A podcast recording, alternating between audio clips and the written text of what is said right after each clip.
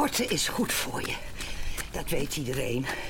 Sport is goed voor je lichaam, voor je spieren, voor je gewrichten, voor je hart, voor je hersenen, voor je humeur, om gewicht te verliezen.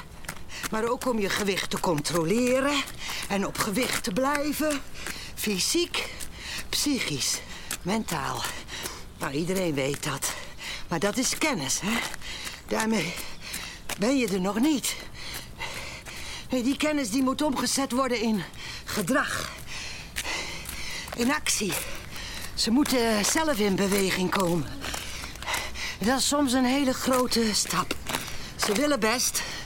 Maar hoe krijg je ze zo ver dat ze ook echt iets gaan doen? Dat, dat stukje motivatie, daar gaat het mij om. Het coachen, dat is een echte wetenschap. En daar is enorm veel over te zeggen.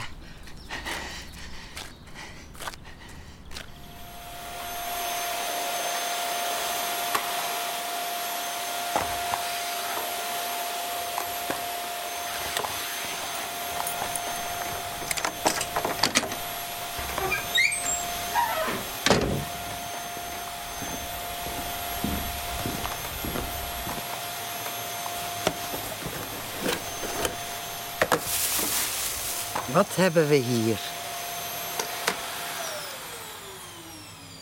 Schoenen? Het zijn geen normale schoenen. Wat zijn normale schoenen? Het is toch de eerste keer dat je dit soort schoenen hebt gekocht? Daar heb je een punt. Mag je best trots op zijn. En dat je deze schoenen voor jezelf hebt aangeschaft. Ik vind dat fantastisch. Het is maar wat je fantastisch vindt. Het is een proces waar je samen in zit. Ik ben hier nu al tientallen jaren mee bezig en het verveelt me nooit. Omdat iedereen anders is en elk proces dus ook weer anders is. Dat fascineert me, die verschillen. Vroeger werkte ik met groepen, teams, maar nu ik wat ouder ben, richt ik me meer op het individu. Ik heb natuurlijk ook wel eens een dag dat ik denk, ik blijf lekker thuis op de bank liggen. Dat hebben we allemaal. Dan gaat het erom wat je met zo'n gedachte doet, hè? Of je die gedachte de baas laat zijn, of dat jij die gedachte de baas bent. Dat is een keuze die je zelf kan maken. Zo, even rustig aan.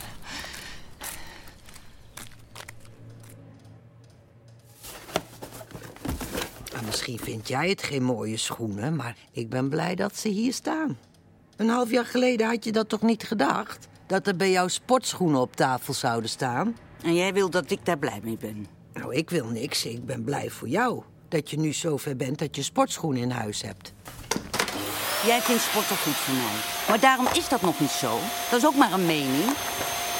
Langzamerhand ben ik oud en wijs genoeg om zelf te bepalen hoor, wat ik doe en wat ik niet doe. Oké. Jij mag bepalen wanneer we de volgende horde nemen. We houden jouw tempo aan. Haast heeft geen zin. Nee, dat heb ik wel geleerd. Zelfs een klein beetje aansporing is soms al genoeg. Hè? Dan trekken ze zich terug. Dan staan ze stil. En dan heb je pas echt een probleem. Dan gaat het proces de verkeerde kant op. Dan gaan ze achteruit.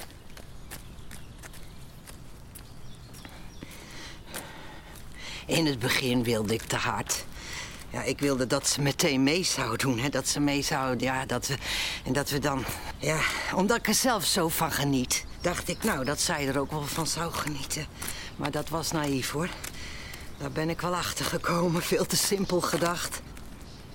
Mensen zitten vast in een patroon en daar krijg je ze niet zomaar uit. Ze hebben allemaal hun eigen gewoontes. En zo komen ze de dag wel door. Daarom denken ze dat ze ook niks hoeven te veranderen. Terwijl er is zoveel meer mogelijk, als je maar wil.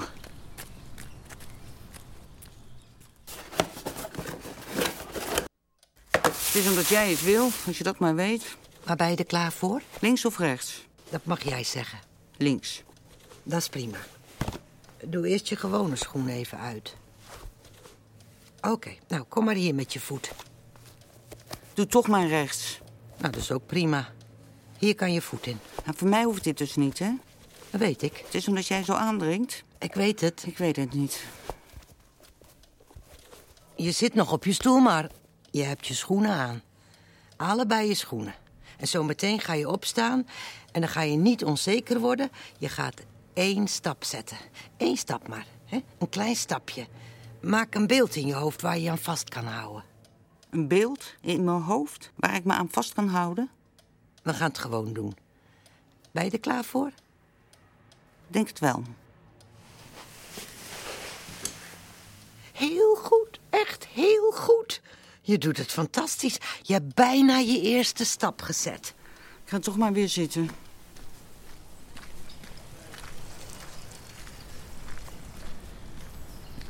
Als je die drempel maar over bent, hè, dat is het moeilijkst.